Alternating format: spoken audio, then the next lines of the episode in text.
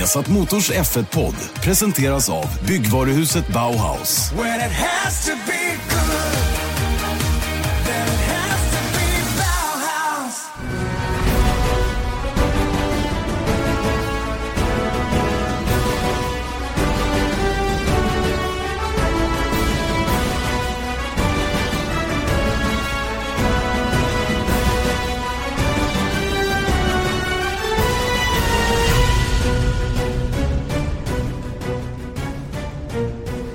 Ny vecka och ny Formel 1-podd. Denna vecka eh, på rätt tid och rätt dag också. Det är ju alltid ett steg i rätt riktning. Janne Blomqvist, Erik Stenborg firar sommaruppehåll. Eh, var befinner du dig, Erik?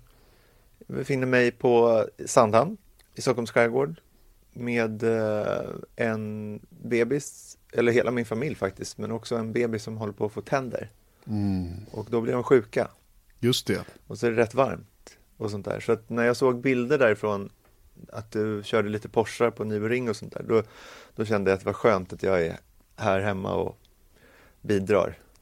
Och tar hand om de vardagliga sakerna. Ja, men precis, liksom, för det är ju det, det är det ändå, det är det viktigaste man har. Exakt, exakt. Eh, eh, Tandfående små bebisar, det är det viktigaste som finns. Ja, Eh, Du berörde ju faktiskt någonting som jag startade mitt sommaruppehåll med, nämligen att åka till, eh, åka till eh, Nürburgring. Eh, Kommenterade ett par stycken Porsche-race där, det var jätte, jättekul verkligen. 44 Porschar i Carrera Cup Tyskland och Scandinavia tillsammans. var ju en mäktig syn får man ändå säga. Eh, och lite speciellt också eftersom de åkte 3,6 km slingan, alltså de vek, vek höger innan man kom ner till Ford-kurvan. Eh, av den anledningen att eh, det var någonting som pågick längre ner på banan. Så de hade liksom inte tillgång till hela slingan. Eh, och det gällde ju även GT Master som var där och tävlade samtidigt då. Eh, den stora GT-klassen där. Och det var ju också mäktigt. Alltså se alla dessa GT-bilar komma in i första kurvan i den farten. Alltså det var coolt. Riktigt, riktigt coolt, det måste jag säga. Eh, Men sen var det ju då min egen tur då att få, få försöka bli lite racerförare eh, för en dag. Eh, Porsche Sverige hade en så kallad track day eh, på måndagen efter. Och ehm, jag eh, fick möjlighet att köra en Porsche GT3. På, då använde vi faktiskt den långa slingan. Den, nästan, ja, den är över 5 km lång då. Fast vi åkte inte genom Mercedes Arena. Utan vi åkte kan man säga gamla bansträck. Kommer du ihåg den? Castrol S. Efter Nej. start och mål. Det var ju som ett, en S-kurva där när man for ner för backen då mot, mot Ford-kurvan. Då. Jaha, man fortsätter rakt fram egentligen. inte rakt fram utan det är en ganska, eh, så som de- konfigurationen var nu så är det väldigt, väldigt tight höger in i första sväng. Ungefär som man tar den i normala fall. Men istället för att fortsätta uppåt höger och så in i Mercedes Arena så viker man direkt vänster i en tight hårnål. Och så kommer man upp där Mercedes Arena tar slut. Okej. Eh, över ett litet krön och så går man ner för backen då in i Ford. Så att, äh, det, var, det var otroligt kul att få köra. Och, eh, det, det som också var, var tydligt var ju vi- vilken, vad långt ifrån bra man är. Om du förstår vad jag menar. Nej men jag hade ju Björn Wirdheim med mig och eh, en bättre instruktör kan man ju inte få. Det var jätteduktiga instruktörer med i hela eventet, verkligen. Staffan Parmander, eh, John Elenius, hela det gänget som, som alltid är med och gör de här grejerna. De är superduktiga. Men jag fick ju lite special treatment eh, i form av Björn Wirdheim. Och, och Björn åkte med mig eh, första svängen vi var ute, då när vi drog på hjälmen på huvudet och åkte fort ordentligt. Och jag körde ju som en biltjuv antagligen. Och, du vet, man, då blir man lite så här extra, då ska man minsann visa att man kan någonting, va? vilket jag i själva verket inte gjorde. Och Björn satt där och trampade genom torpeden och försökte få stopp på bilen från sin passagerarstol, vilket naturligtvis inte gick. Eh, och så skrika genom hjälmen då att ja, men här ska du bromsa, och här ska du göra si, här ska du göra så. Och jag försökte i alla fall att lyssna och göra rätt, men jag tror inte det blev så bra de där första varven ärligt talat. Sen kom vi in eh, och sen sa jag det, nästa gång får du köra, sa jag. Och så, och så körde han då eh, de första tre varven på den. Och jag satt Och du bredvid. var med en Porsche GT3 va? GT3. Eh, och den är jättekompetent, verkligen. Det är över 500 hästar och det går, går ruskigt fort. Eh, och Björ, Björn hoppade i och, och jag fick genast klart för mig var man brister. Det är ju, det är ju i princip var det två kurvor som, som man klantade till det. Och det var i första sväng och det var nere i Dunlop där man vänder tillbaka innan man kommer upp mot Schumacheres. Och det var inbromsningarna. Alltså, jag, man, alltså så aggressivt och så hårt som en, en professionell racerförare bromsar jämfört med en vanlig människa, om jag kallar mig det då. det, det, går inte, jag tror det är svårt att beskriva för den som inte gör det. Jag vet att det är många som kanske lyssnar på podden som kör mycket själva trackdays och, och förmodligen är hyggligt duktiga på detta. Men, men jag är inte det. Så, så då, det, det blir den största aha-upplevelsen verkligen. Va? Hur superaggressiv på bromsarna eh, en riktig racerförare är jämfört med en själv. Och eh, där har man mycket att lära, verkligen. Mycket mm. att lära. Och det är där man förlorar tid. Massor med tid. Ja, för att gasa, ja, det är för det är inte alla som tar snabba kurvor i rätt fart heller. Men för jag kan känna det också när, de gångerna jag, jag kört på banan, jag gjorde det ganska mycket förut, att det svåra är ju att hitta bromspunkten och sen så liksom bromsa lika hårt tills du ska gå på gas ja. igen. Liksom. Och det är det som är, och sen så bara nej, och så fick man rulla lite, nästan som man behöver gasa för att bromsa igen. Exakt. Att det är liksom, det är så svårt alltså. Och jag har också åkt med några väldigt duktiga. Och det är, det är ju knäckande alltså. Ja, det är det. Exakt, det är ett jättebra ord. Det är precis vad det är. Man har inget självförtroende alls efteråt. När man inser hur, hur, långt, långt, långt, långt, långt ifrån de här proffsen som man ligger egentligen. Man är så på läktaren va? så att det, är, det är nästan fånigt. Va? Men, men samtidigt är det ju en enorm ynnest att få, få göra. Jag menar, här håller vi på då kanske tre, tre timmar, tre, tre och en halv timme och vi är ute en kvart i taget. Det är klart att man har en brant inlärningskurva. Fick man ligga och gnugga hela dagarna och sådär, då, då blev man väl snabbt eh, okej. Okay. Man blev mm. snabbt okej okay, i alla fall och gjorde inte bort sig. Va? Men, men sen är det ju finliret sådär. Och jag menar, man ska vara glad att man får chansen att prova sådana här gånger. Det var, det var verkligen en fantastisk upplevelse. Fantastisk upplevelse. Och vilka bilar. De här GT2 RS med över 700 hästar i. Mm. Som bara pyste över start och mål där. Det, det, är ju inte samma ljud från en sån bil med turbon. Men, men jäklar vilken bil alltså. Herregud. With, Widowmakers. Widowmakers, just det. Eh, missil var det någon som kallade den också. Mm. Och det, Nej, det kan jag, jag, faktiskt förstå. Mm. Nej, men vilken, eh, vilken rolig grej. Ja, bra start på sommaruppehållet. Mm. Det gäller att... Sugen, sugen, på, sugen på att köpa bil nu då? Nej, det, det sjuka är att jag är inte det. Vet du. Jag är inte en sån som ska äga en sportbil. Jag är en kille som ska göra såna här grejer enstaka gånger. Jag är verkligen ingen sportbilskille överhuvudtaget. Jag, jag, är, inte, jag är inte sugen på att köpa en sån här bil. För den, den kräver mer än vad jag kan ge den. Mm. Det är att, det också som är, det är lite så här jobbigt att ha bilar som är mycket bättre än vad man själv är. Exakt. Det är bättre att ha en Skoda. Perfekt för mig, mycket bra. Och jag har aldrig kört så lugnt som efter den här åkningen. När vi sen körde upp mot Frankfurt eh, till flygplatsen efteråt. Då smög mm. man, då var man så nöjd, så nöjd. Allt adrenalin hade liksom runnit ur kroppen och sådär. Det är också fascinerande hur man kan skrubba bort frustrationen bara genom att elda på lite några varv. Eller så gick det i 200 fast det kändes så långsamt. Så kan det ju också vara. Eh, men jag hade en, en, bra, en bra farthållare i baksätet så det löste sig. Mm, det är bra det. Ja. Eh, det är om mitt Nürburgring-äventyr. Eh, som sagt jättekul att vi fick eh, möjlighet att sända det på Viasat då, de här två racen, Porsche-racen där. Vi har ju några duktiga svenskar där. Henrik Skoda gjorde ju, han imponerade väldigt på mig. Han var femma och sexa de båda racen. Han kör ju det tyska mästerskapet. Gustav Malja hade lite trögt i kvalet till det första racet, startade bättre i det andra. Eh, och var hyfsat med tycker jag, topp 10 där. Det är ju ett stenhårt mästerskap det tyska. Och sen de skandinaviska bilarna, där blev det också lite intressant. Lukas Sundahl lyckades vinna det första, bröt det andra. Oskar Palm som är med i matchen i, i, i mästerskapet fick bryta det första men gjorde hyfsat ifrån, eller jag var med på pallen i det andra. Så att det blev liksom ett nollsummespel där i, i totalen på något sätt. Mm. Så att det, det, lever vidare. Det är bra det. Ja, sommaruppehåll du... som sagt Erik.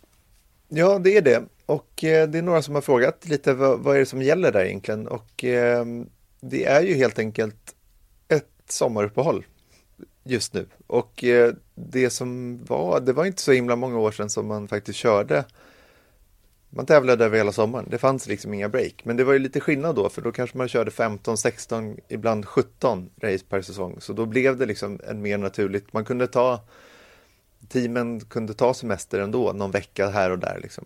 Ja, det var väl eh, framförallt alltid två veckor mellan racen. Det var sällan, nästan aldrig back-to-back va?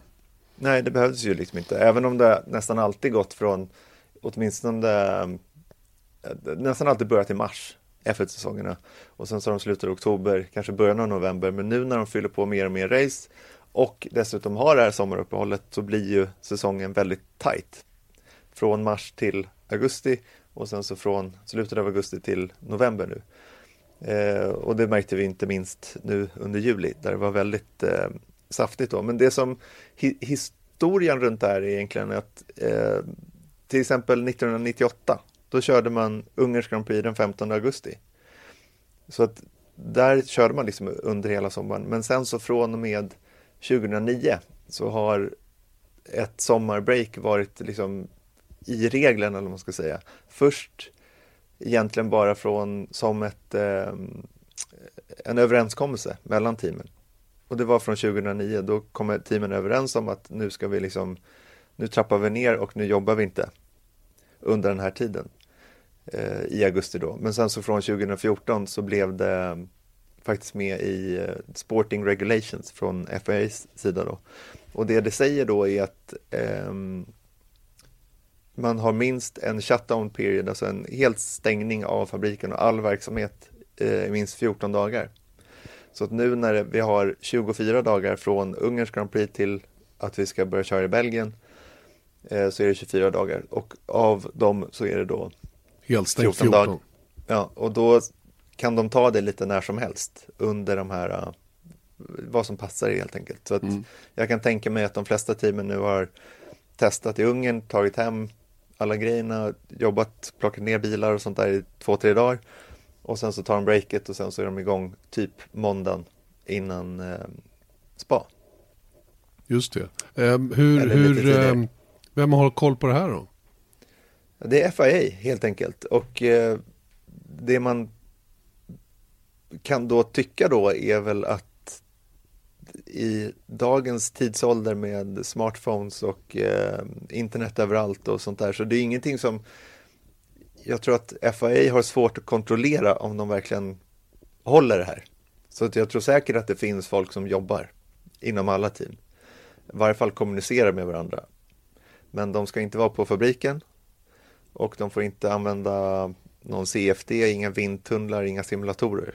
Och det är ju ganska, det kan de nog kontrollera hyfsat lätt. Jag vet inte exakt hur de gör det, men eh, att, jag menar, Mauricio Arrivabene sitter med någon och eh, snackar om eh, förarvalet till nästa år. Det är ingen som kan kontrollera det. Så det, det sker säkert. Men förarna är på semester och eh, personalen är på semester. Och jag tror faktiskt att de flesta teamen håller det här ganska väl på grund av att det är så intensivt. Jag menar man tänker att du och jag kanske går på semester första december och gör ingenting under december, halva januari. Mm. För att det finns ingenting för oss att göra, men för teamens skull, de ska ju bygga bilarna och designa bilarna, så där är ju hyper, där är lika intensivt som någon annan månad egentligen, fast på ett annat sätt. Visst, så jag tror att de här två veckorna är väldigt viktiga för teamen också. Självklart, jag menar det, det är ju en hård belastning framförallt på den personal som åker på alla race. Eh, det är ju en väldig skillnad på eh, de som jobbar i fabriken. Det är ju bara en bråkdel som är ute på racen. Och de, de mm. ser ju vi så att säga när vi är ute då. Och de, de, man kan nästan se att de börjar bli slitna här i slutet på slutet på den här första delen innan sommaruppehållet. Va? Men sen har du ju 250-300 personer i ett normalstort stall som jobbar i fabriken varje dag också som, som också behöver lite semester och det är säkert så att det är lika välbehövligt för dem som det är för, för, eh, för mekanikerna på plats så att säga, ute på racen. Då, vilket totalt sett under en helg är bara 65 personer. Ja, och de hade faktiskt eh, för några år sedan så var det ett förslag då att de skulle köra ett, ett liknande shutdown under, under jul. Men det gick inget team med på och det är just av den anledningen att det, det är för mycket som händer och man måste liksom maximera tiden innan eh, man ska avtäcka bilarna där i februari. Exakt, och det, det kan jag förstå. Det låter rimligt för det är en väldigt aktiv period. Eh, man har lite juluppehåll och sen är det flat out ju, fram till dess att bilarna rullar ut för första gången då i slutet på februari brukar det vara. Mm. Eh, hur, hur, blev det nu? Pratade vi om det senast? Det har jag glömt nu för att det är så mycket annat som händer. Men, men eh, testerna såg ut att hamna i Bahrain men verkar bli kvar i Barcelona för övrigt. Mm. Man har inte riktigt kommit överens om vem som ska stå för fraktkostnaderna där och innan det är klarlagt så kommer ingen flytt att ske. För att de mindre teamen är inte intresserade av att spendera de extra pengarna som det kostar då att köra allting till Bahrain. Precis, och det pratade vi om förra veckan, men det som man kan också lägga till där är att de känns som att de kommer vara ovanligt sent i år. Tidigare så har det varit liksom en vecka alldeles i slutet av februari och sen så alldeles i början av mars som man kör. Men nu i säsongen verkar bli väldigt senstartad också, alldeles i slutet av mars. Eh, vilket gör att jag tror att första testet, nu har jag inte datumen i huvudet, men de som är förslag till, eh, förslaget i Barcelona är att det är precis i månadsskiftet, första testet, februari-mars och sen så en bra bit in i mars. Sen, mm. Det brukar vara tio dagar mellan det andra testet va, och premiären.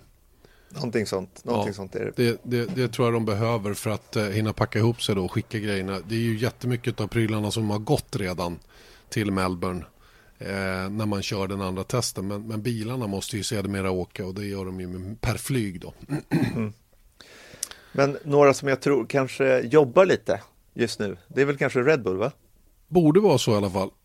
De har lite att pyssla med och de som jobbar också är väl många förarmanagers, tror jag. Mm. Jag, jag, tror inte så många, jättemånga av dem som är aktuella som är helt lediga. Nej, verkligen inte. Och det, det kom ju en bomb senast. Vi hann ju inte mer än att stänga butiken efter vår tillverkning av förra veckans podd innan det briserade det faktum att Daniel Ricciardo alltså lämnar Red Bull. Det var ju det första nyheten som kom att han skulle lämna Red Bull. Sen dröjde det inte länge innan han blev bekräftad för Renault. Vilket eh, för många var en stor överraskning. Ehm, det var det väl för oss också Erik, eller hur? Även om vi nämnde det lite grann att det var en möjlighet. Det var faktiskt lite konstigt för vi, vi pratade om det förra veckan om silly season och att Ocon i praktiken, du sa bland annat att du var lika säker på att Ocon skulle på du är mer säker på att Ocon ska till Renault än att Leclerc ska till Ferrari. Ja, så, så eh. pe dit pekade ju allting och det är ju det enda man kan gå på så att säga.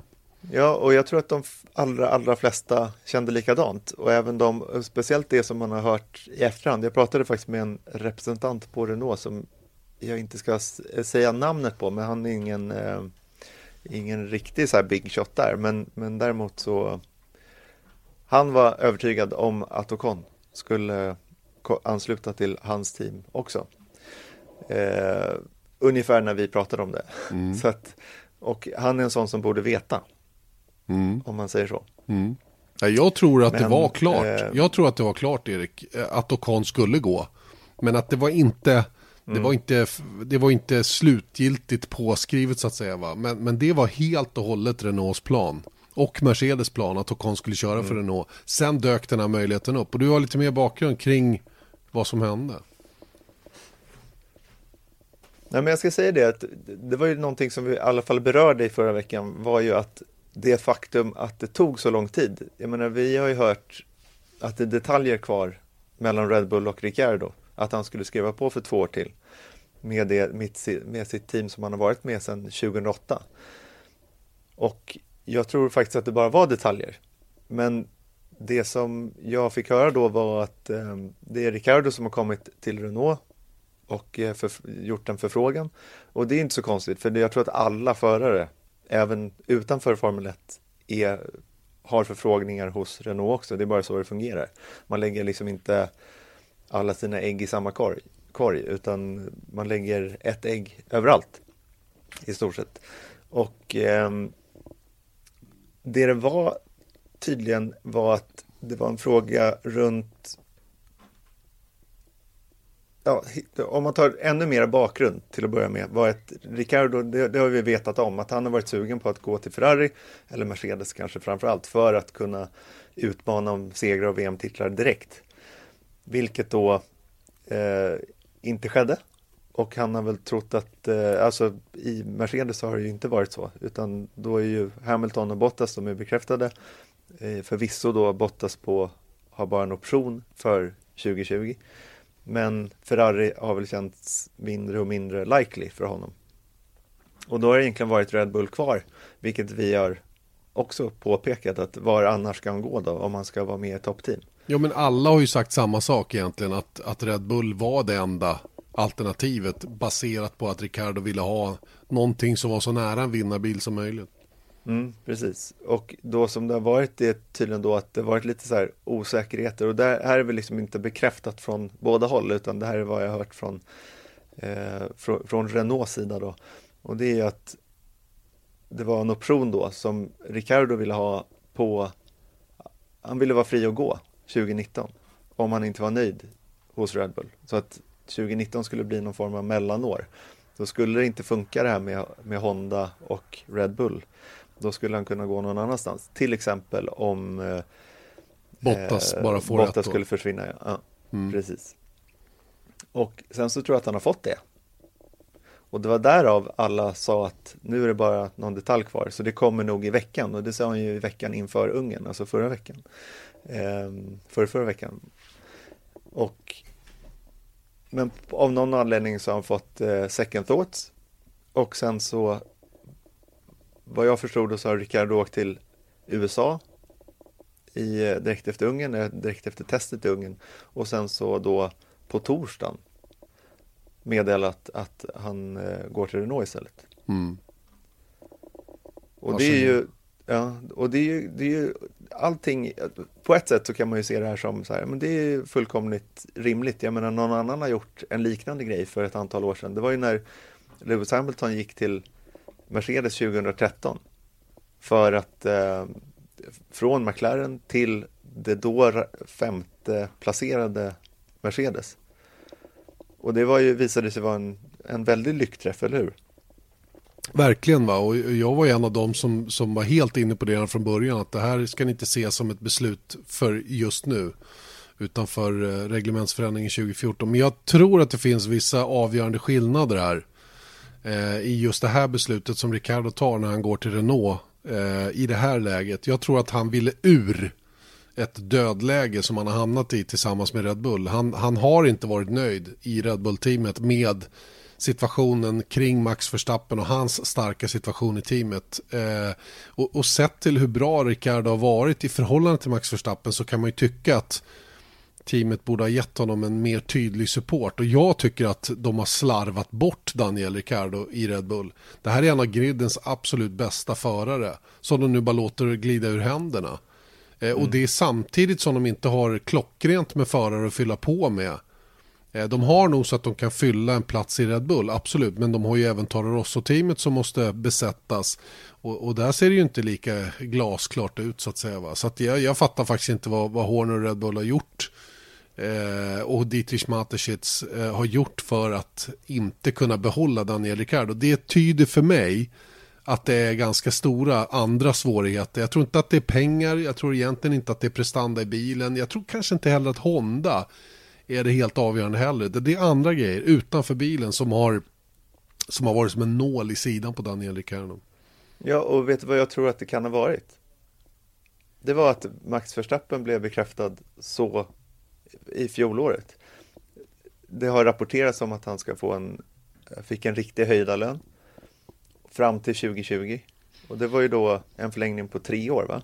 Nej, han förlängde faktiskt bara ett år. Han hade kontrakt fram till slutet på 19 för Stappen, va? men då bestämde man att ja, men ja, vi tar det ett år till. Vad så det var. Ja. Och det var det som var, var så speciellt då, att han förlängde så tidigt ytterligare ett år. Mm. Och, då, och då ryktades det som att det var extremt mycket pengar i det där då. Och då tror jag att kanske redan där, att Ricardo, och det här är bara ren spekulation, vi har inte pratat med honom själv, men det har ju känts som, och det här tror jag inte jag hittar på det efterhand nu när man har facit i hand, men att han har varit lite sådär Ja men på väg bort. Jag mm. menar, det är inte för inte det har funnits de här ryktena runt att han vill till Ferrari eller vill till Mercedes, så vem vill inte det egentligen? Men just att lämna Red Bull, som är ändå det tredje toppteamet. Och det är det som är grejen tycker jag, att han har, det har dragit ut på tiden. Det här är ju ett ganska enkelt beslut för vilken annan förare som helst på griden egentligen att förlänga med Red Bull. Eller hur? När platserna ja. i Mercedes och Ferrari inte finns där, då är det liksom inget snack. Men det har dröjt. Det har dröjt och det har dröjt och, det, och man har undrat varför. Ja, det kanske är detaljer i hur mycket lön det ska bli. Och man kommer upp på samma nivå som, som Max Verstappen pengamässigt, vilket var ett av kraven som Daniel Ricciardo hade för att förlänga med Red Bull, att han ville ha en rejäl höjning i lön. Och det har ju Red Bull råd med, inga som helst problem. Eh, sen finns det självklart osäkerheten kring Honda då, och då vill han ha in den här optionen då för att kunna smyga ur kontraktet då efter 19 för att se, se om sina möjligheter. Men den, eh, ja, någonting, Va? någonting Ja. annat. Men vad jag förstår så fick han den optionen och han fick Mm. likvärdig lön som Verstappen. Och ändå så vill han inte där. Och Ja. vad jag hörde från Renault då är att, och det här är ingen person som har de här siffrorna, men han spekulerade själv och sa att jag tror inte att vi betalar, vi be- betalar absolut inte Ricardo mer än vad Red Bull hade gjort. Förstår du? Så att han går inte till Ren- Renault av pengamässiga skäl heller. Och då är det helt plötsligt så här, okej, hur ser vi på utvecklingskurvan för Renault? Jo, men visst, den ser ju säkert bra ut med tanke på okej att det är ett fabriksteam. Men rent motormässigt så har det inte sett toppen ut. Och vi pratade, eller Rickard Rudell pratade med Nico Hylkenberg i helgen i Ungern och då sa han att ja, men vad, vad är det som fattas? Han säger att det fattas överallt. Det är lite, det är motor, det är aero, det är mekanisk, det är mekaniken, det är aeron, det är överallt liksom som vi behöver ta ett ytterligare steg för att de är så pass långt ifrån. Och då om man tittar nu, vad tror vi om nästa år för 2019? Vem ser bäst ut? Kanske gridens bästa chassi med en Honda-motor eller är det Renault? Mm. Det är Bra väldigt fråga. svårt. Ja. Och jag skulle tippa att Red Bull med en Honda-motor ser fortfarande något bättre ut än en Renault. Tror jag också. Och jag menar för att Renault ska hitta den där sekunden som de är bakom Red Bull så krävs det ju närmast underverk. det är ju en sak att hänga med Red Bull i utvecklingen under ett år. En helt annan sak att, att, att utveckla snabbare och gå i kapp. Och en tredje sak att gå förbi. Alltså vi, pra, vi pratar eh, otroligt stor uppgift och det kanske inte är förrän vi byter reglementet 2021 som den dörren ändå öppnas för Renault också på samma sätt som det gjorde för Mercedes då. Men jag, det känns inte som om det är riktigt samma det, det känns inte som att Renault jobbar på samma sätt som Mercedes gjorde. De var väldigt målinriktade Mercedes när de kom in och de hade bestämt de hade ett mål att från 14 och framåt och hela den grejen. Det var ganska tydligt från start. Renault har liksom tvekat när de kom tillbaka. Ska, hur mycket pengar ska vi lägga? Är det här värt det? Det har varit mycket interna diskussioner, politik. De är bara med i Formel 1 om det visar sig att de kan sälja fler bilar och så vidare. Och så vidare. Så det är liksom inte samma tydliga mission från Renault som det var från Mercedes sida. Så jag tror att, att, att Ricardo gör det här bytet och, och kommer att, att fira stora triumfer på samma sätt som, som Hamilton gjorde när han gick till Mercedes 12 i ett team som var eh, strax bakom täten. Det, det tror inte jag på. Jag tror inte det är samma situation. Nej, Nej jag, jag tror inte det finns samma, det är ganska risk, riskfyllt i minsta fall. Och även, men om man tittar på vad de har nu så är det ju bra. Jag menar, det är fortfarande ett fabriksteam. Ett av faktiskt bara tre i Verkligen. hela Formel 1. Ja, Och det kan ju göra mycket. det borde så, göra mycket. Ja, och sen så har de ju, även om målet inte lika uttalat som Mercedes hade det vid den tidpunkten, är det ju fortfarande, de har ju sagt att inom två till tre år, då ska vi vara med och slåss om VM-titlar. Och det har varit en mycket så här, om man jämför med McLaren till exempel, som säger så här, typ om en kvart ska vi vara med och slåss om VM-titlar och, och segrar. Det har inte känts rimligt någonstans, medan Renault kanske, just det faktum att de säger två, tre år, det visar i alla fall att de har en långsiktig plan med det. Mm. Och sen så, så men, men jag tror fortfarande att det är ett oerhört mycket st- större risk i det som Ricardo gjort än det som eh, Hamilton gjorde. Det tror jag han, också. gick, han, han gick faktiskt från ett team som var kraftigt på väg ner. Och det var nog ganska lätt att se från Hamiltons perspektiv att McLaren, det vi håller på med här 2012, är inte kanske, vi, vi har inte samma väg framåt som Mercedes har till 2014. Nej, nej. Så där hade han nästan inget val, eller vad man ska säga. Eller det var ett väldigt smart val istället. Ja, det var det. Det var god fingertoppskänsla och han hade förmodligen fått rätt försäkringar så att säga. Och det, det, och det är återigen, jag tror inte att Ricardo har fått några sådana försäkringar för det är så snabbt beslut där som har skett. Så att, han har gått på andra saker och jag tror som sagt att relationen med Red Bull, Max Verstappen, hela den har varit för komplicerad. Eh, det har varit för svårt för Ricardo att förlika sig med att vara den, ha den rollen han har i teamet. Trots att han gång efter gång efter gång faktiskt är starkare än, än Max Verstappen. Kanske inte snabbare, men starkare. Mm. Och det ja, tycker jag är framförallt intressant. när Verstappen hade rätt jobbigt i början av den här säsongen. Mm. Eller första tredjedelen faktiskt. Verkligen. Ja, jag tycker de är sjukt jämna. De har olika kvaliteter men de är otroligt jämna. Och som sagt Renault får nu en av gridens bästa förare. Att para ihop dem med Nico Hülkenberg som tog emot med öppna armar på Twitter såg jag. Tror inte det var så öppna armar egentligen om man ska vara riktigt ärlig. Eh, den fighten kommer att bli stenhård för Nico Hülkenberg som ändå hyfsat komfortabelt har haft greppet kan man väl säga inom Renault. Eh, även faktiskt när Carlos Sainz kom så har han ju visst, han har varit ordentligt mer utmanad men han har fortfarande haft det där lilla extra greppet om saker och ting känns det som i alla fall. Frågan om det blir så nästa år. Mm. Och men det är också det är, det är nästan en större risk för Ricardo, än en gång tycker jag. För att jag menar, Hylk, alltså Verstappen, om man blir slagen av Verstappen några gånger och ibland tar några segrar och sådant. Då är man fortfarande med i matchen så att säga. Speciellt på sättet som Ricardo har kört, att han är kanske starkare i race och, än vad Verstappen har varit. Men börjar det se likadant ut med Hylkenberg, som ändå har varit i teamet ett par år nu. Då, då kan ju, för jag kollar på Sainz, han hade, hans eh, aktie var ju skyhög i slutet av förra året när han gick till Renault. Och nu så blir han, nu är det jämnt mellan dem i VM, men fortfarande så skulle jag, jag tror att de flesta håller med om att magkänslan säger att Hylkenbergs säsong har varit starkare än Sainz. Det här är kul, i alla fall. det är kul att du tar upp Carlos Sainz för det leder in oss på nästa eh, liksom del av det här då, nämligen vad händer med resten av silly season och Carlos Sainz är en nyckelspelare nu. En nyckelspelare verkligen. Han är alltså fortfarande under kontrakt med Red Bull. Ett kontrakt som om jag förstått det hela rätt har en, har en klausul som säger att om det blir en plats ledig i Red Bull och han får den så kommer kontraktet att förlängas per automatik. Jag, jag, jag tror att det är så. Jag, ingen vet ju någonting om kontraktet, de är naturligtvis konferentiella, men det har låtit som om det är det som gäller. Att, att, att Red Bull måste liksom erbjuda honom en plats i moderteamet, annars blir Carlos Sainz en free agent.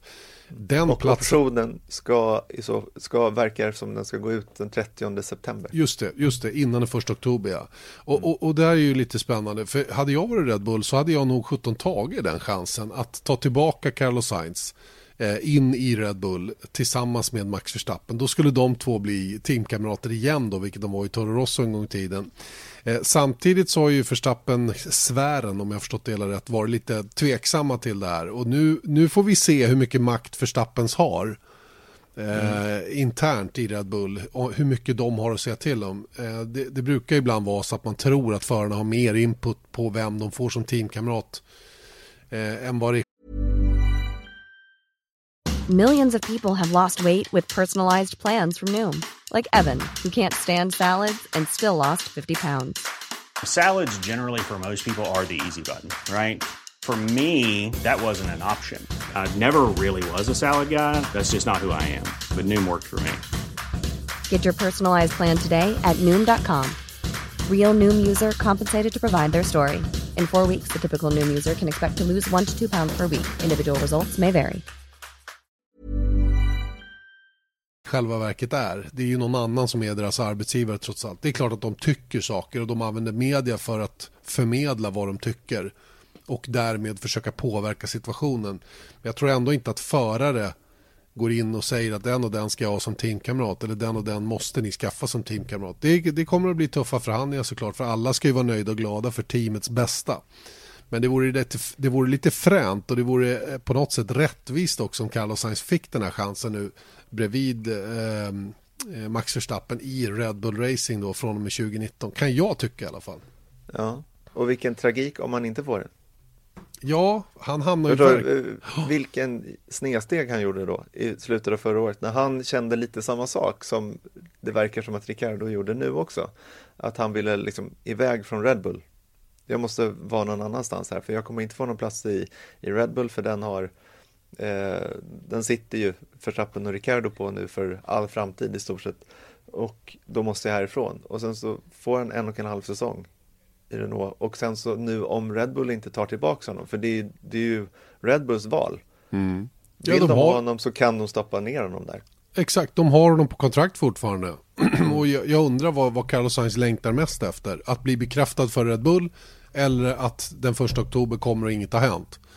Så att han får gå var han vill. Jag är lite så här, jag tror ändå att han, han inser och hans pappa då, Carlos Sainz senior, som jag sett prata väldigt mycket med, med Fernando Alonsos manager senaste veckorna. Eh, och det har ju liksom dragits lite om att Carlos Sainz eventuellt skulle kunna vara på väg till McLaren, vilket är ett alternativ givetvis till hela den här. Men, men Ricardos beslut har kastat omkull saker och ting för Carlos Sainz som jag tror nu jobbar rätt hårt ändå på att ta den där platsen i, i Red Bull Racing. Samtidigt finns ju Pierre Gasly mm. som åker väldigt, väldigt fort i Toro Rosso. Och, och att Carlos Sainz skulle gå, gå tillbaka till Red Bull och hamna i Toro Rosso, det finns inte. Den, det, det kommer han aldrig att göra, det kan jag inte tänka mig.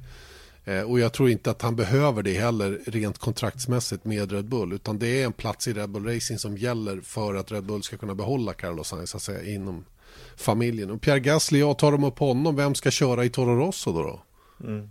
Det är det som är, det är, det är det här som blir lite intressant. Och om man bara tittar på Tar de Gasly så det blir Gasly eh, förstappen i Toro Rosso, då är det ju problematiskt i Toro Rosso, men det blir också väldigt, ganska, eller det blir mer problematiskt i resten av fältet också. För då är det då är det liksom ytterligare en plats som är borta.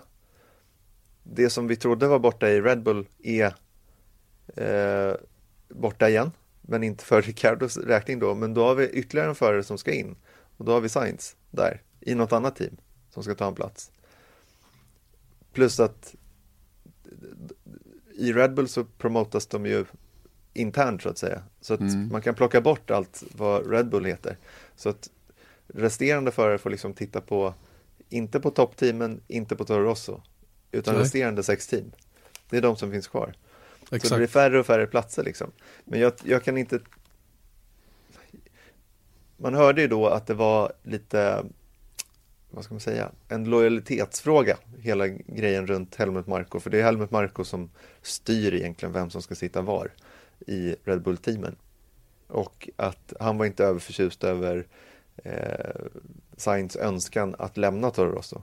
För att trots allt då så hade Red Bull eh, betalat hela Sainz formelbilskarriär upp till den Eh, punkten så att säga och då bör man då enligt Helmut Markos sätt att se på det åtminstone troligen vara eh, glad och nöjd över det.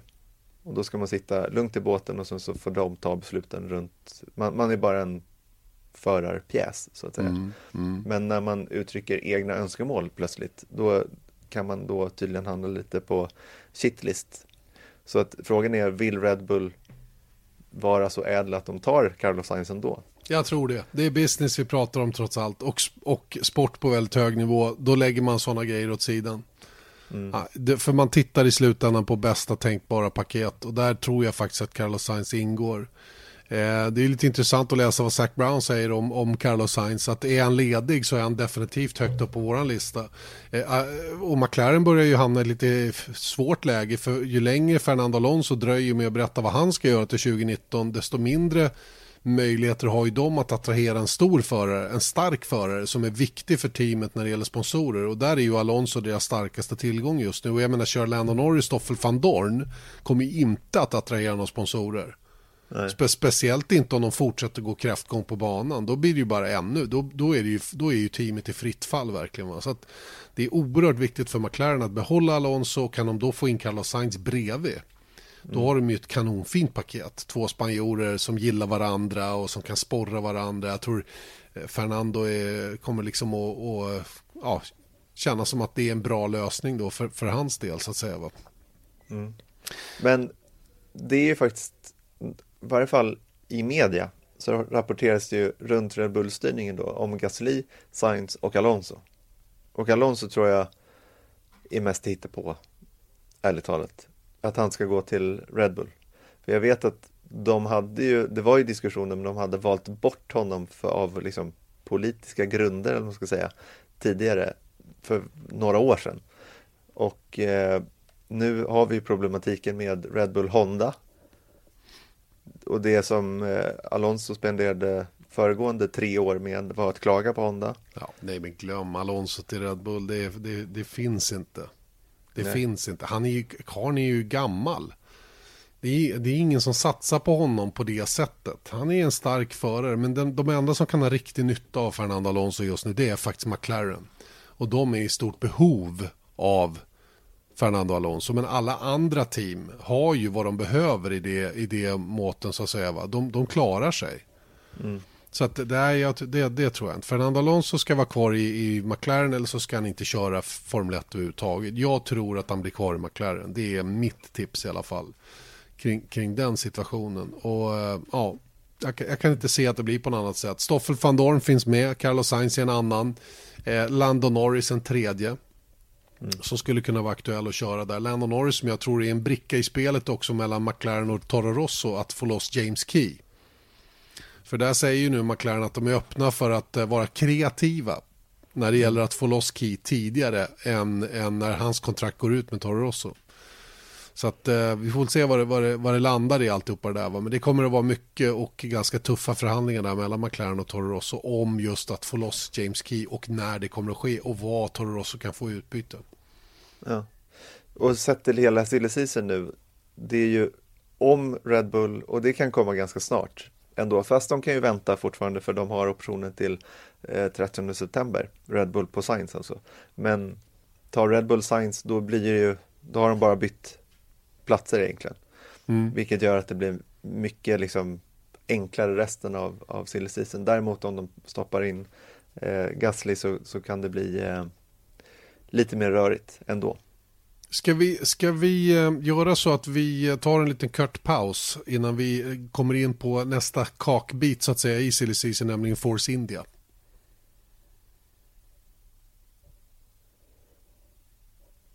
Vi har satt Motors Formel 1-podd. Janne Blomqvist och Erik Stenborg sitter och filosoferar mitt i sommarvärmen här. När vi har kommit till vårt semester, vårat semesterbreak i alla fall. Eh, många har ju börjat jobbet igen och kanske får möjlighet att lyssna på podden när de åker till, eh, till sitt arbete på morgonen eller hem Eh, på kvällen. Kul tycker vi. Eh, vi har suttit och pratat eh, Daniel Ricciardo, vi har pratat silly season och avhandlat rätt mycket kring det. Det finns en stor pusselbit kvar där, det är Force India. Vad, vad, vad händer egentligen? Jag har förstått det som att igår var det någon form av deadline för eventuella investorer eller köpare att meddela sig till advokatfirman då, eller administratorn. Ja, Precis, och det är ju det som är, just nu så har ju den här administratorn, det är de som driver teamet egentligen. Eller så att säga har ansvaret för teamet. De har plånkan. Och de har plånkan och just nu så driv, drivs teamet på minsta möjliga budget så det är inga liksom eh, satsningar pågår nu utan nu är det liksom status quo eh, tills man har hittat köpare, eh, en köpare och tydligen så, som du sa så var det igår en deadline för att lämna in sina egentligen affärsplaner för att administratorn då skulle kunna få titta på dem och se vad som är den bästa möjliga vägen framåt för teamet. För det är det som är deras syfte nu. deras huvudsyfte är att hitta en köpare som kan ha en eh, långsiktig plan för företaget som Force India faktiskt är. Mm. Och köpare då, enligt vad vi har förstått, är Eh, eventuella investerare ska vi säga. Jag ska inte säga köpare fullt ut. För Lawrence Stroll enligt Michael Schmidt på Tyska Automotorsport är ju inte någon köpare av hela teamet men investerare. Lawrence Stroll är i alla fall ett namn som nämns. Dimitri Mazepin rysk välbärgad herre med en son som heter Nikita Mazepin som kör i GP3 är en annan aktör och den tredje är då något amerikanskt konsortium med Peter Rossi, pappa till Alexander Rossi som, eh, som kör Indycar tillsammans med Michael Andretti och Michael Andretti behöver knappast någon någon vidare presentation. Han är ju väldigt eh, stor och eh, har kört Formel 1 bland annat för McLaren. Eh, och alla de här tre är säkert eh, kapabla att skjuta in de pengar som krävs. Eh, för att eh, liksom få ta över tillgångarna och hela den där grejen. Men det finns ju några krokar i det här som, som måste rättas ut innan det kan bli någonting och det är ju det här med pengarna från FOM. Alltså mm. pengarna tillbaka, vilket jag läste mig till ligger på över 70 miljoner pund. Och det är väldigt, väldigt mycket pengar. Det är 8, 8, drygt 800 miljoner kronor, alltså uppemot en miljard som de som eventuellt kan frysa inne då om inte alla teamen i Formel 1 är överens om att det nya ägarskapet ska få de här pengarna. Mm. Och, och får de inte loss de kulorna, då blir det en tuff uppgift för en eventuell ny investerare att ta över teamet, nolla skulderna och sen även ha pengar att slutföra den här säsongen men sen kanske ha en femårsplan framåt också med, med en intäktsplan i alla fall som gör att det, det blir en affär som faktiskt går att räkna hem någorlunda. Mm. För det är det jag tror att man har haft, för, eh, liksom, det är självklart att de som, eh, när teamet då sattes i administration, var det då under förbehållet att okej, okay, vi räknar nu med att vi får behålla våra prispengar baserat på de två senaste säsongerna, alltså de här 70 miljonerna punderna, pund, för att då, men vi måste också täcka upp skulderna som Force India sitter på nu och det är bland annat till eh, Perez själv och sen så har eh, Mercedes. Eh, Mercedes och massa andra BVT och, och eh, deras huvudsponsor och sånt där som, som sitter på. Så att om de här 70 miljonerna brinner inne för att inte alla teamen är med på det så att säga, då har man ju en enorm uppförsbacke för då, inte bara sitter man kvar med skulderna utan man har inte heller de här prispengarna. Man börjar om från scratch helt enkelt. Mm. Och då kan det vara riktigt illa. Ja, då blir det svårt att hitta någon, någon investerare eller köpare tror jag. Det är 72 miljoner dollar ska jag säga, men det är inte mm. så himla stor skillnad numera. Men det är inte fullt så mycket pengar som jag sa tidigare. Då. Det är någonstans mellan ja, 600 miljoner eller någonting. Eh, oavsett vad så är det mycket pengar som teamet naturligtvis räknar med och som jag också tror att de kanske har gjort av med redan. För de har fått förskottsbetalningar på det här. Och eh, det är ju en annan grej som, som naturligtvis räknas in i hela, i hela alltihopa där. Att, att eh, man har haft så jobbigt den senaste tiden att, med cashflow. Att, att liksom hålla igång verksamheten. Att man har varit tvungen att ta förskott på de här pengarna från FOM. Då, vilket Bernie Eccleston ofta hjälpte till med på den tiden han var boss för det. Jag vet inte alls hur, hur, um, hur Liberty Media jobbar i det avseendet. Det har i alla fall inte rapporterats speciellt tydligt. Eh, det som också är otroligt viktigt nu när det gäller Force India det är att de inte tappar nyckelpersonal. Det tror jag vi var inne på förra veckan. Att, att bli av med de här, eh, Andy Green till exempel då, som är den tekniska direktören då, som har gjort på samma sätt som James Key har gjort framsteg med, med Toro Rosso och andra team han har jobbat i, så har ju Andy Green varit otroligt duktig.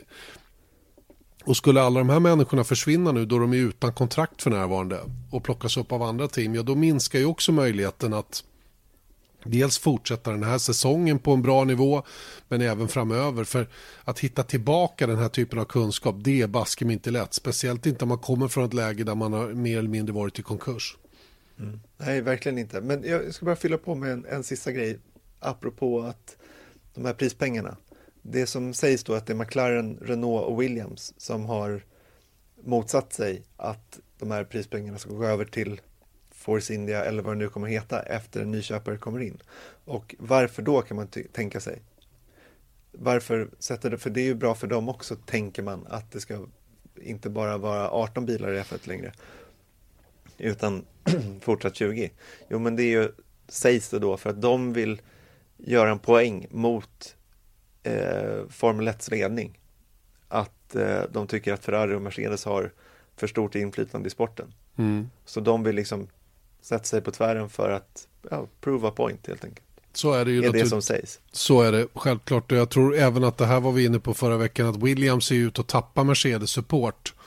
Och eh, skulle ju då kunna vara en tänkbar kund till Renault. McLaren är Renault kund redan och Renault själva är ju det, naturligtvis fabriksteamet där. Och det, det, är också det som gör att man tror att det är precis på det sättet. Renault vill liksom vara med där och sticka in en pinne i hjulet för, för Mercedes då i första hand. För det är ju de som är mest intresserade av att, att, ähm, att driva det här teamet vidare just nu och sett till att Force India skyldiga de pengar. Och det är också så att Mercedes vill ju, vill ju se att det blir ett, ett stadigt ägarskap här för att lyfta över motorkontraktet till de nya ägarna. För det är inte heller alla kontrakt är ju terminerade i och med att teamet har gått till administration. Så att, eh, det, det, är en ganska intressant situation som har uppstått. Och sen har vi ju inte minst förarsidan. Mm. Jag menar, går Lawrence Stroll in nu, då vill ju han ha Lance Stroll där såklart. Ja. Eh, Esteban och Cons eh, flytt till Renault, den frös ju in. Vad ska han ta vägen? Ska han vara kvar i Force India? Mm. Och var hamnar då Perez? Ja, precis. Var hamnar Sergio Perez? Mitt i alltihopa det här. Va? Så, så att det, det, och den här osäker och den som jag tycker mest synd om det är Esteban Ocon faktiskt. Han hade ju en kanonframtid på gång här och så bara boom. Så mm. står han där som förare i ett, eh, i ett konkursmässigt team och han har ingen kontrakt för nästa år. Mm. Det, det svänger fort, även på, utanför banan. Det gör det verkligen. Och jag undrar om inte Bottas hade haft sitt kontrakt påskrivet, hur orolig han skulle vara mm. nu. Ja, jag håller med. Det, det är lurigt. Eh, vi, vi, eh, jag vet, ibland får vi kritik för att vi inte pratar om Marcus Eriksson och vad som händer runt omkring honom. Men det finns inte så mycket att säga där egentligen. Eh, det är inget att tillägga. Marcus Eriksson, när det gäller silly season alltså, han, han har ju kontrakt året ut med Sauber. Vi vet ingenting om vad som kommer att hända. Han har inte nämnts någonting egentligen av förklarliga skäl. Det har inte varit riktigt de resultaten så att Marcus ska vara högst upp på massa önskelistor i det avseendet. Eh, självklart jobbar man vidare på att eh, försöka förlänga på managementsidan där åt, åt, eh, att han ska bli kvar kort och gott. Men det är ju rätt många om budet där också. Mm. Och jag tror att det är det de satsar på. De kanske lägger ganska mycket alla ägg i en korg och det är Sauber. Tror jag. För jag tror att det också att, inte minst att han har varit där och de känner till hans eh, styrkor i teamet om man ska säga. Och sen så att det är ett bra team att vara i nu. Ja, rent performancemässigt. och alternativen är inte bättre. Nej. De är bara åt sidan eller neråt Mm. faktiskt. Så att uh, better stay put. Jag tror det. Jag tror Och- att det är det de jobbar på i alla fall. Ja, är vi, är vi fortfarande lika säkra på att Leclerc går till Ferrari? Alltså, nej. Jag är inte säker på någonting längre. Key Faktiskt. question. Nej, men man är faktiskt inte det. Det är lurigt där. Alltså, det kan, det, jag är helt övertygad om att det finns ett kontrakt påskrivet någonstans. Men i, som, i, i fallet Ocon så är ju inte det, betyder ju inte det att det är liksom är automatiskt en race-hits. Utan det är ju bara för att säkra upp dem att det inte går någon annanstans. Mm. Och är det En liten så här sockerbit va. Men, eh, men eh, nej, ja, jag vet inte. Jag får väl stå fast för det. Jag har ju stuckit ut hakan tidigt där. Men det är ju inte så att jag har gått ut och gjort det för att jag på hemskt gärna vill att Leclerc ska köra Ferrari eller att Kim Räikkönen ska vara med sin plats eller så vidare. Jag följer ju bara, jag följer ju bara spåren så att säga. Va? Och, eh, och de har lett mig åt det här hållet. Jag vet att det är många som, som, kom, jag menar, som har häcklat journalister genom åren då för att man har sagt att Kimi är på väg ut och så blir han kvar ett år till, ett år till, ett år till. Va? Men hela tiden är det ju så att man, man, vad, vad ska man göra? Man kan bara följa. Man är som en indian. Man lägger örat på rälsen och kollar. Gjorde indianerna det? Nej, jag har ingen aning. Alltså. Men jag har ju fått för mig det. Eller så känner de på så här, ja men här är det lite så här hästbajs. Det här är färskt. Lite så va? Lukta på det. Han har ätit en, eh, en eh, svartbönegryta innan här så att eh, det måste vara det- åt det här hållet det är på väg. Det här gjorde ju cowboysen också tror jag. Säkert. Det är kanske, Det var- de, jag, det- det kanske var- de jag pratar om. Ja, det, det var någonting där på 1800-talet i alla fall som, som Jag har alltid hände. drömt om att ha en kolt på höften. Mm. Det har du nästan haft också. Ja, Hur som helst, jag, jag tror att just nu är allting så uppe i luften och dessutom så går vi in i ett sommaruppehåll som sagt, vilket gör att vi får nog bara sitta och, och vänta och så kommer det nog hända en del runt Spa och eh, Monza. Absolut, jag är helt övertygad om det. Spa är nog nyckelhelg. Vart inte Kimi Räikkönen eh, bekräftad i Spa förra året? För ett Korrekt. år till. Ja. Korrekt. Så det är mycket möjligt att han blir det en gång till då. Och då får vi stå där med lång näsa. Mm. Eller i alla fall jag. Eh, hur som helst. Eh, det här eh, gör ju att vi kan släppa silly season tillfälligt. Vi kommer säkert att få anledning att återkomma till det, kanske redan nästa vecka. Men vi har ju en ny lyssnarfråga. Lyssnarfrågan presenteras av Pirelli. Pirelli. Power is nothing without control. Just Erik, lyssnarfrågan. Ja, det är en herre som heter Fredrik Edlund som har ställt frågan till vår eh, Facebook-sida facebook.com F1-podden och eh, han frågar så här, finns det dopningstester inom F1 och vidare, kan förarna få någon fördel av att dopa sig? Och varken du eller jag är någon läkare vad jag vet. Inte vad jag vet Men- heller. Nej, men däremot så känner vi till en väldigt, eh, vad ska man säga, han är en, han är F1-läkare helt enkelt. Kort och En, gott. en, en eh, forskare. Han jobb, Ricardo Ciccarelli heter han. Han driver centret Formula Medicine. Bland annat så var det ju de som hjälpte Robert Kubica under eh, lång tid där under hans eh, konvalescens efter eh, kraschen där i, eh, i rallyt 2011 var det va? Mm. Ehm, och eh, han, eh, de är liksom specialister på brain performance. Förklara det lite lätt. Nej, det är ingen idé för jag har ingen brain performance själv så att det, jag släpper den. Ja, okay. Men hur som helst, vi ställde frågan till Riccardo Ceccarelli på Formula Medicine och han svarade så här. Yes, uh, since uh, some years there is uh, a doping control also for the drivers, more or less following the same rules of the international rules of the other sport. Like uh, some races, not every race, obviously, some races, some driver are uh, chosen to be to undergo the doping control, but even sometimes they do uh, home control surprise control. Like the driver doesn't know and uh, they come to take uh, the urine and to check uh, if there is any uh, substance illegal substance. So in this way they can monitor uh, all the year long which is honestly speaking uh, mm, maybe even too much for drivers because um, we have to specify there are different kind of doping one doping is uh, focalized uh, to improve the muscle, to improve the strength of the muscle or the endurance power, and that is something that you have to take for a while, also far away from the race. But this is not necessary in the driver. No, the muscle energy is enough, uh, the muscle strength is enough. Uh, you can gain in the gym with the training, so you don't need an extra addition by illegal substance. So for the driver, this is uh, is not a risk. The only problem can be um, can be what can improve the brain, the brain performance. This is the real doping of the driver, which is just to be clear, theoretically is the the category of medicine called amphetamine.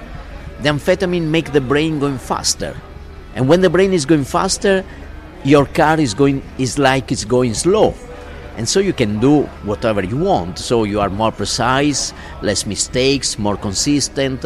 So that could be theoretically the doping of the driver so what you're basically saying is that there's no way of enhancing your performance by taking for instance uh, steroids and stuff like that but if you use like a narcotic uh, substance then you may enhance your performance.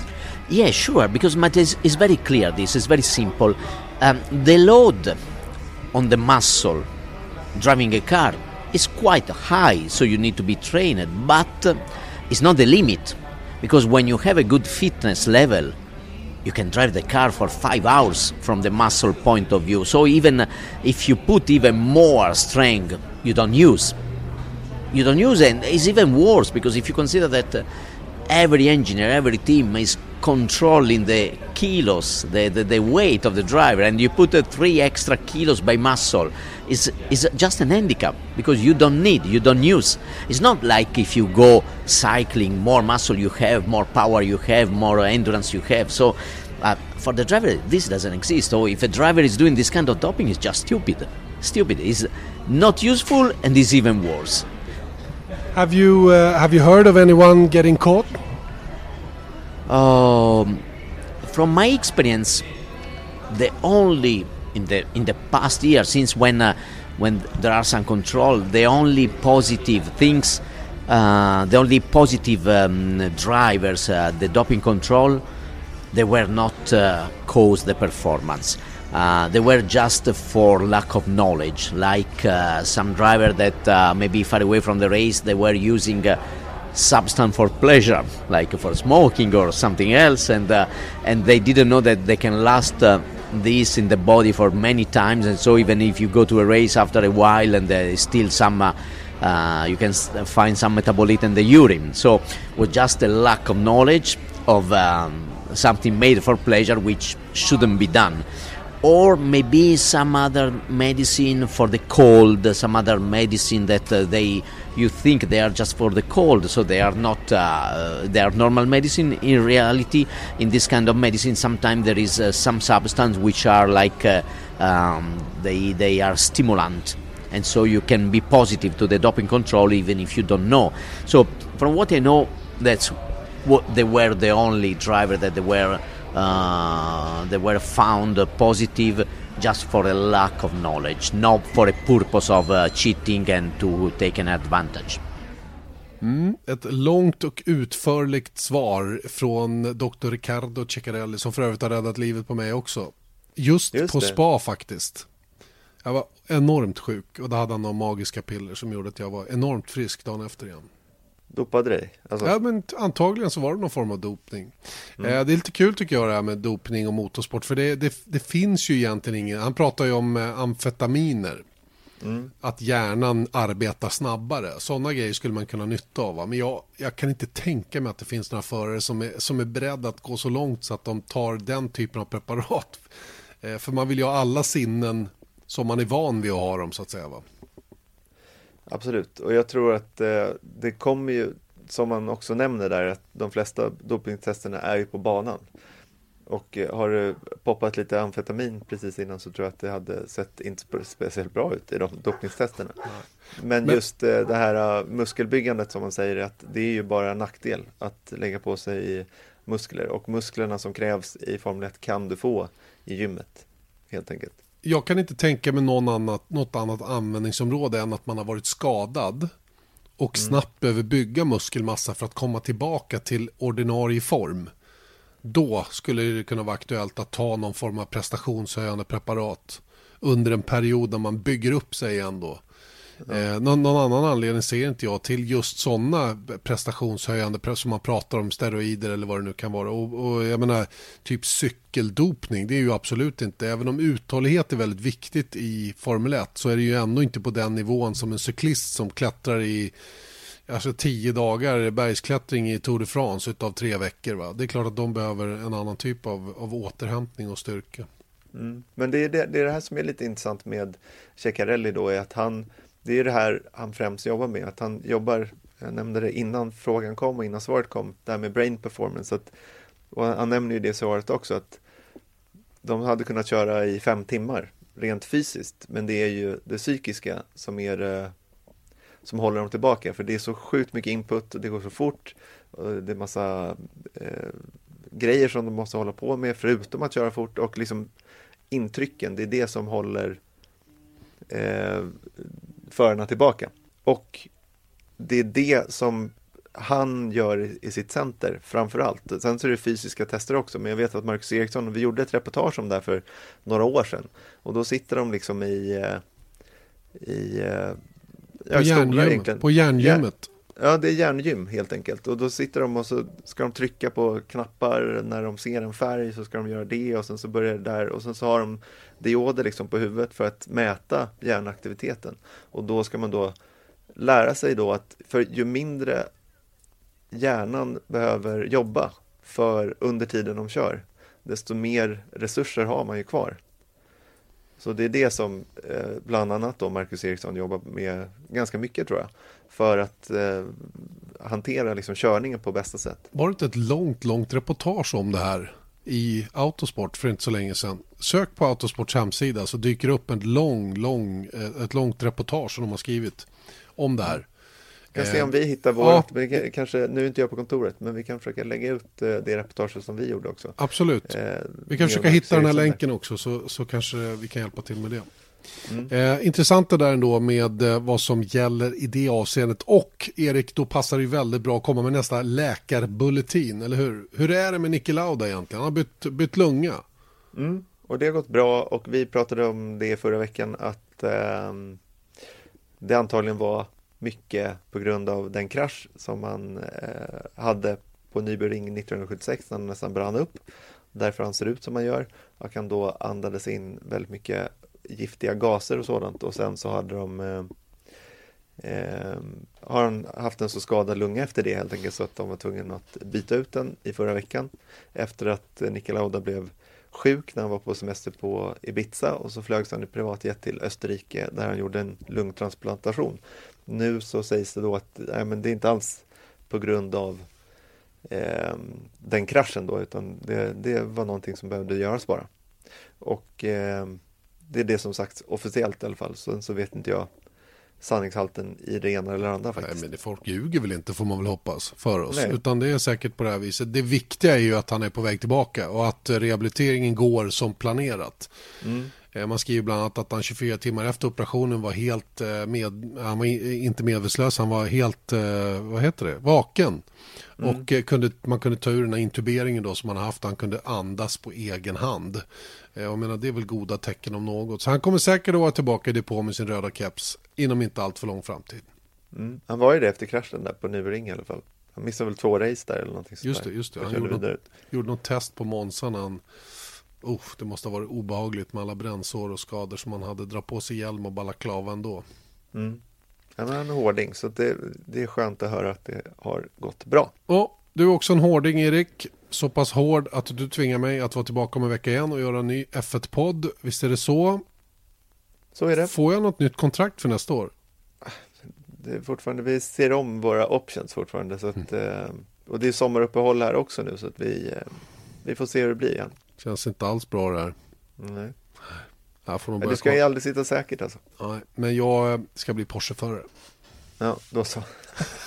ja, men då hinner inte du då. Så, Ja, okej. ja, ja. Ni får komma med bra bud helt enkelt. Ja, vi får göra det. Toppen. Och, Hörs och en en firmabil kanske. Ja, en firmabil vore bra. Det skulle jag tycka var jättebra. Hörs om en vecka. Det gör vi. Hej. Vesat Motors F1-podd presenterades av byggvaruhuset Bauhaus.